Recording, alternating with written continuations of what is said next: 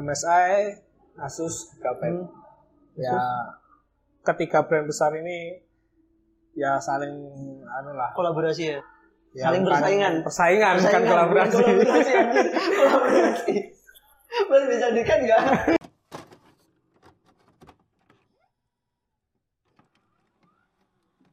Oke, balik lagi ke channel kita di sini di seperempat jalan ketika angka memaksamu dewasa. Oke, di sini masih dengan saya Febian dan di samping saya di sini ada narasumber kita eh, dari teman yang dulunya sudah sekian lama nggak ketemu dari mulai SMP ya bro ya dari mulai SMP SMP ya sekitar 2000 eh, SMA kita masih gabung ya bro ya, SMA masih gabung SMA masih gabung lepas itu berarti setelah lulus SMA ya Ya. tapi walaupun SMA kita beda kelas SMP pun juga kita Ya. beda kelas sebenarnya cuma satu hobi. Dulu sama-sama seneng utek-utek terkait komputer men. Nah di sini saya undang buat kita bahas eh, apa ya kerjaan dia yang sekarang dan mungkin perjalanan sampai kita bisa ketemu lagi gitu bro. Udah berapa tahun? Berarti 2012 kan bro? 2012 lulus SMA. 2012 lulus SMA sampai baru ketemu kemarin. Ya. ya kan? sampai lu nikah aja gue nggak diundang. Serius. Itu gara-gara corona atau gimana bro Ya, gara-gara corona pasti. gara-gara corona pasti. Gara-gara corona nikah pun teman sendiri nggak diundang men. Serius. Ya. Jadi 2012 sampai 2020 hampir 8 tahun kita nggak ketemu dan ini baru ketemu. Ya. Perjalanan panjang. Siapakah dia? Dia adalah Aditya Indra. Ya. Bisa kenalkan diri sendiri aja deh bro Terkait profil lu sebenarnya gimana ya kan itu boleh silakan kamera mana yang bal yang on oke kamera dua siap Oke. oke Oke, perkenalkan saya Aditya Indra. Hmm. Saya sekarang di bekerja di MSI Indonesia. Masih Indonesia. Tepatnya sekitar dua setengah tahun yang lalu, saya mulai bergelut di dunia IT di Jadi, MSI yes, dan sampai sekarang. sampai sekarang luar biasa. Lamanya udah dua, dari Dua apa? setengah tahun. Dua setengah tahun ya? Udah dua setengah tahun. Karena lu eh, kuliah dulu kan, men? Ya, kuliah Ya, dulu. kuliah, kuliah di Malang, habis di Malang, terus lu eh, pernah sebelum di MSI kayak pernah kerja di elektronik ya? Ya, di Salah satu jadi tim review lah. eh, tim review. di MSI ya MSI itu kan produk sejenis perakit eh apa perangkat lunak komputer ya, Ya, atau perangkat keras. perangkat keras sorry perangkat Perangkat keras, keras komputer. perangkat keras. Berhubungan identik berhubungan dengan gaming lah. gaming bener. Karena dulu kita di SMP seneng nge-game ya kan? Ya, kalau dulu kalian tahu Need for Speed yang di PC ya kan? Dia pertama kali main di tempat lu bro serius. Anjir keren banget. Need for Speed Underground 1 Ya. ya, ya inget gue terus underground 2 PC mulai agak naik ya kan? PC agak naik. Pernah review game juga ya kan? Ya. itu kayak gitu. Nah kegiatan-kegiatan lu bisa sampai ke MSI itu ceritanya gimana sih? Ya mulai saya waktu jadi reviewer, Hmm. setelah reviewers review di gamer apa eh, perangkat komputer Oh, juga. perangkat komputer ya juga ada VGA, ada motherboard, monitor, segala macam perangkat komputer Hmm, atau gaming. hmm. Nah setelah itu saya berhenti dan setelah berhenti saya apply di MSI, ya, alhamdulillah keterima di MSI. alhamdulillah keterima di MSI. Ya. itu dari perusahaan mana sih bro sebenarnya bukan Indonesia kan yang pasti? MSI asli Taiwan. asli Taiwan Ya.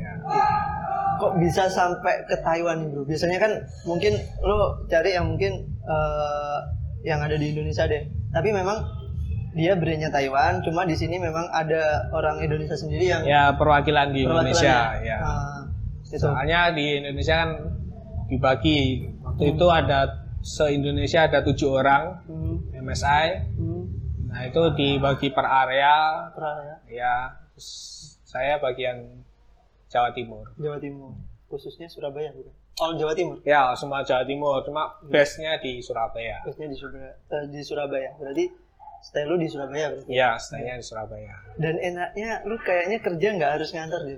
Ya kan? Lo pernah bilang kan, Benar. lo kerja nggak harus di kantor. Ya. Itu yang bikin menarik di situ, ya kan? Kita biasanya dengan sibuk eh, jam kerja dari mulai kayak gue nih ya kan, jam 8 sampai pulang jam 5 kadang larut loyalitas ya kan bukan loyalitas tapi loyalitas sampai ya sedikit banyak kan memakan waktu lah di situ dan lu bisa di rumah ngerjainnya itu gimana sih? Ya karena gimana ya? Soalnya ya kita kita kerja uh, under Taiwan ya. Hmm. Under Taiwan, di Taiwan juga bos-bos semua di Taiwan dan kita di sini untuk perwakilan untuk market seluruh Indonesia. Nah, Dan saya kan ke bagian Jawa Timur, nah otomatis ya saya kerjanya muter-muter.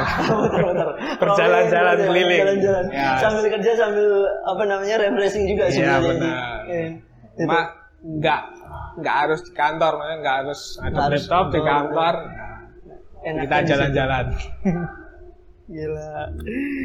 Nah di MSI sendiri ya kan itu lo bisa sampai masuk di situ itu awalnya gimana? Aku eh, ngenanya nih ya kan perusahaan Taiwan yang mungkin dia itu bukan mungkin sih karena eh, apa namanya dia nggak mungkin kan langsung rekrut ke Indonesia gitu. Ya, Nah benar. itu gimana lo bisa masuk di situ dan jadi brand ambasadornya men? Ya Susah loh itu. awalnya ya saya pasti apa namanya? Ya. Kayak di dunia IT kan Hmm. awalnya sudah masuk waktu dunia reviewer itu udah tahu barang-barang dan lain-lain. Saatnya ya otomatis saya kan tahu berbagai macam hardware. Nah, Saya ada memahami. IT dan akhirnya waktu itu di Job Street Hmm. ada lowongan di MSI Indonesia, Hmm. saya play di situ. di situ gila dan kerennya nih ya kan katanya eh, MSI itu nggak perlu ijazah yang mungkin S1 S2 gitu itu bener gak sih Ya sebenarnya gini, sebenarnya bukan MSI sih, dan semua orang juga tahu. Eh, gimana tuh Eh, saya seperti Google, ya Google apa Microsoft, Microsoft ya itu semuanya murni skill ya ya meng-hire orang itu Oh. murni dari skill mereka, bukan dari titel mereka itu. Soalnya orang sana, orang luar itu titel tuh nggak nggak ada harganya. Maksudnya nggak ada harganya. Ya buat apa misalnya kita hire orang tapi orang itu nggak bisa, nggak atau nggak punya skill. Nah banget ya itu. Ya jadi mending kalau perusahaan luar, mending mereka meng-hire orang yang punya skill, yang bisa buat kerja buat mereka. Jadi dengan passion mereka, skill mereka, dia itu bisa direkrut gitu. Benar. Lebih baik memperkerjakan yang orang sesuai dengan passion, skill, jalan gitu, tanpa harus mandangi jasa dia gitu. Iya Ya benar. Nah itu kayak eh, nampar banget sama PT-PT atau pekerjaan-pekerjaan lowongan kerja yang ada di Indonesia, men. Yang di Indonesia itu mungkin eh, selalu fokus pada persyaratan atau kriteria yang sangat struktural gitu ya kan, yang harus ijazahnya ini, yang harus tinggi badannya sekian, yang harus itu, karena mereka mementingkan itu semua untuk masuk gitu, Iya. tanpa mereka itu tahu skillnya mereka dulu gitu. Benar. Nah, beratnya di Indonesia kerjaan kan seperti itu. Tapi untuk eh, kita mengacu pada langsung dia punya skill seperti ini gimana kan? Kita juga perlu ijazah mereka gitu. Kalau pendapat lu gimana sih kalau misalkan kayak gitu? Karena di sini tuh terus ngacunya pada lu lulusan apa gitu. Terus eh, pengalaman kerja lu sebelumnya gimana gitu. Kadang yang sudah lulusan eh, grade aja ya kan, mungkin dia udah ibarat sarjana S1, apa S2, S1 apa ST. S2 apa ya kan? Tapi dia masih ditanya lagi nih ya kan? Pengalaman lu sebelumnya apa gitu. Iya. dan di situ nyantol lagi gitu. Banyak sekali persyaratan dan prosedur yang harus mereka lewati gitu. Dan mungkin sekarang apalagi corona ya kan loker semakin susah tapi lulusan semakin banyak gitu.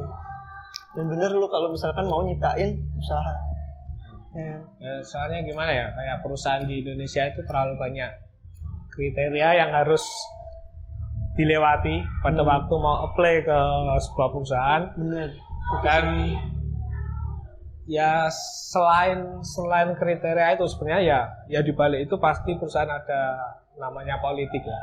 mungkin Iya. mungkin mungkin saya nggak jawab Banyak besar nih. sebagian besar ada pasti politiknya jadi uh, cuma berdasarkan detail tapi Hmm. ada sesuatu di balik itu.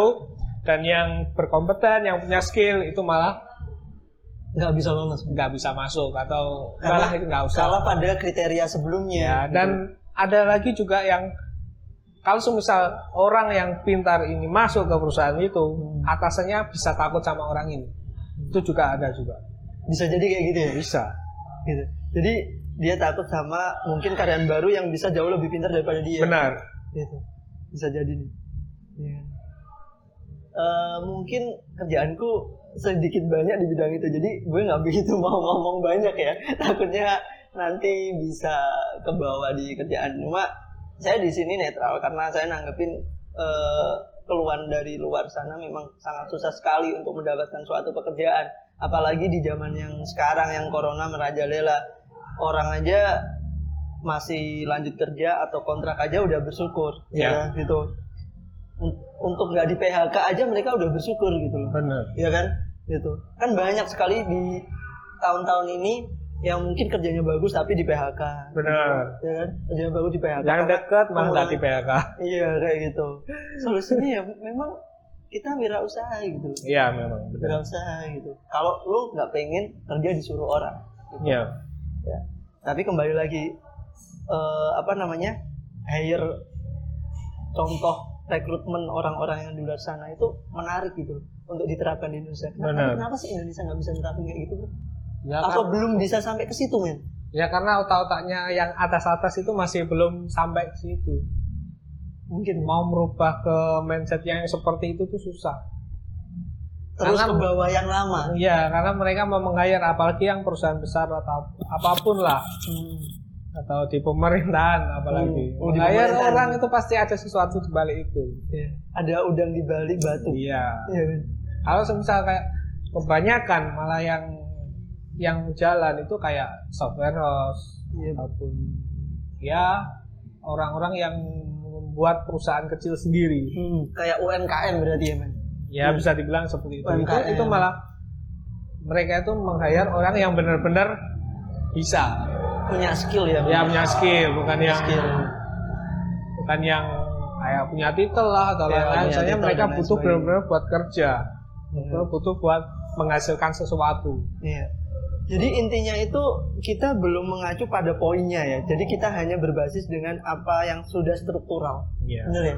Kalau misalkan kita pada poinnya nih ya kan, misalkan eh, suatu perusahaan itu minta pada poinnya dia bisa ngerjakan sesuatu yang ini Hmm. dan fokus pada ini, mungkin bisa diterapkan ini, ya kan? Karena hanya kita terstruktural dan banyak sekali yang tidak sesuai passionnya, Iya. itu. Benar. Ya. Dulu gue juga di informatika kan, ya kan, dan juga seneng komputer. Pada akhirnya sekarang nggak di situ, gitu loh. Ya, ke bawah kerjaan dan akhirnya mau nggak mau jadi eh, makanan sehari-hari dan pada akhirnya kita nyaman nggak nyaman kita harus dibuat nyaman gitu. Iya. Karena tuntutan sekarang. Selagi belum ada sesuatu usaha yang mungkin jelas dan menghasilkan sama atau lebih, jangan sampai kita loncat dulu sih. Kalau dari aku sih sekarang gitu. Karena masa-masa pandemi ini masa-masa perekonomian yang sangat sulit banget gitu. Sulit. Sulit banget. Orang orang bisa bertahan hidup ya. Orang bisa bertahan hidup, makan cukup dan lain sebagainya nggak ini aja udah udah seneng banget sekarang. Iya. Itu. Tapi dari sini semua gerak gitu loh. Semuanya gerak. Dari orang usia apa pun, dari kalangan apa pun, semua jadi ikut berpikir bagaimana kehidupan mereka ke depan. Iya. Benar gak sih? Benar. Ya kan? Kalau dari lu gimana? Ya kalau dari pandemi ini ya kalau menurutku orang jadi eh, positifnya ya positifnya dari pandemi ini menurutku orang jadi lebih berpikir ke masa depan. Oh bisa gitu bro? Ya, soalnya- masa depan. Soalnya gini, jadi mereka tuh karena istilahnya kepepet, Iya. kepepet nggak punya uang gini-gini, akhirnya mereka tuh otomatis mempelajari, mempelajari hal yang Baru. semestinya eh, pasti yang pasti baru Hah? hal yang semestinya datangnya ta- setahun atau dua tahun ke depan tapi mereka karena mereka fokus mereka ber- berpikir akhirnya hal tersebut datang duluan sekarang. Hmm, iya. Jadi Benar deh, benar-benar. eh, ses- hal sesuatu itu nggak menunggu yang nanti loh. Sekarang Tahun-tahun ya depan- contohnya depannya sekarang ya semua udah Bener. tahu kayak eh, market online, Hmm. marketplace yang Marketplace begitu besar. online ya. Nah, gitu besar sebe- sebenarnya kayak misal contoh lah contoh misal kayak untuk ibu-ibu rumah tangga atau apa pun hmm. sebelumnya sebelum pandemi mungkin belum begitu mengenal ya Hmm. tahu cuma nggak belum begitu mengenal tapi karena karena ini karena pandemi ini akhirnya mereka otomatis mau, mau berpikir itu karena tidak bisa belanja mereka Hmm. langsung belajar terpaksa online ya akhirnya sebenarnya yang itu mereka pelajari satu Jauh-jauh tahun dua tahun ke depan mereka langsung belajar sekarang Benar. itu contoh yang paling simpel Oke, jadi kena poinnya nih. Jadi eh, apa namanya? Apa ya? Merchandise sekarang yang harus apa namanya? beli langsung yang dulu bisa langsung ke pasar atau apa sekarang kan bisa lewat online semua iya dan orang-orang yang dulunya gaptek atau nggak mau belajar teknologi tersebut mau nggak mau sekarang kan harus seperti itu iya karena kalau misalkan mereka keluar rumah atau apa kan takutnya ya kena corona terus kemudian Benar. eh, apa namanya eh, ada banyak hal lah yang dikhawatirkan gitu bro ya kan jadi mau nggak mau mereka ngikutin zaman sekarang iya dan jadi naik naiknya marketplace ya di tahun-tahun ini berarti kayak kurir barang ya sebenarnya udah lama cuma di Hmm. sini orang-orang yang belum lagi. tahu Heeh. jadi tahu gitu. Gitu. ya karena pandemi ini karena pandemi jadi itu kayak sesuatu hal yang satu tahun satu dua tahun ke depan yang akan datang tapi sekarang bisa datang duluan luar biasa efek-efek pandemi yang mungkin kita pandang di segi positifnya ya bro ya itu Segi segi positif. positifnya segi positifnya ya. jadi orang semua berpikir gimana eh, apa namanya ngadepin ini semua Iya. keluar dari zona nyamannya pada benar itu. Nah, otomatis ya otomatis keluar dari zona nyaman soalnya mereka dari. Kalau tetap di sini ya ya di mereka nggak bisa itu. gerak gitu. Nah. akhirnya mereka fokus semua fokus gimana cara gimana caranya akhirnya semua pasti langsung gerak. Langsung gerak bener. Oke poinnya itu sahabat eh, seperempat jalan. Jadi memang pandemi mengubah pola pikir semua orang. Nggak Benar. peduli usia berapapun seperti kita yang berada di seperempat jalan ini di usia-usia 21 sampai dengan 25 namun di usia-usia yang lebih tua pun mereka pun juga ikut berpikir gimana caranya mereka tetap bisa bertahan di keadaan pandemi ini ya kan?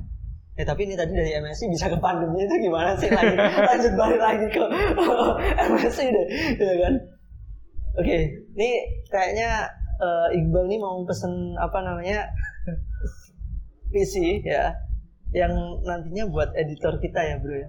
Ini tapi pasti kok, ini tapi pasti. Ya nanti kita bilang ownernya nanti, ownernya nggak ikut nggak ikut syuting hari ini. Oke, spek-spek apa sih yang eh, eh speknya banyak sih. Tak lihat Banyak. itu tadi gue sempet sebelum kita ngobrolin tadi gue sempet buka beberapa produknya MSI bro laptopnya aja uh harganya lumayan ya Ya. anjir itu laptop buat gamer semua kan Ya kalau kalau kita sebenarnya eh, kalau kalau untuk laptop ya kalau untuk Ah. laptop fokusnya MSI itu di content creator sama gamer. Jadi untuk Serius? Untuk ya? konsumer yang biasa yang buat kantor yang untuk biasa atau ketik-ketik biasa hmm. ya bisa dibilang overkill.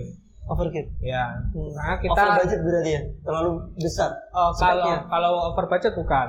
Overkill itu maksudnya gimana tuh untuk spesifikasi untuk mereka yang kayak kantor dan lain itu Hmm. terlalu besar. Terlalu besar Ketinggian, ketinggian spek. Ketinggian Tapi kalau kalau untuk content creator atau Hmm. untuk gaming hmm. itu udah masuk. Soalnya kita masuknya itu di pasar itu.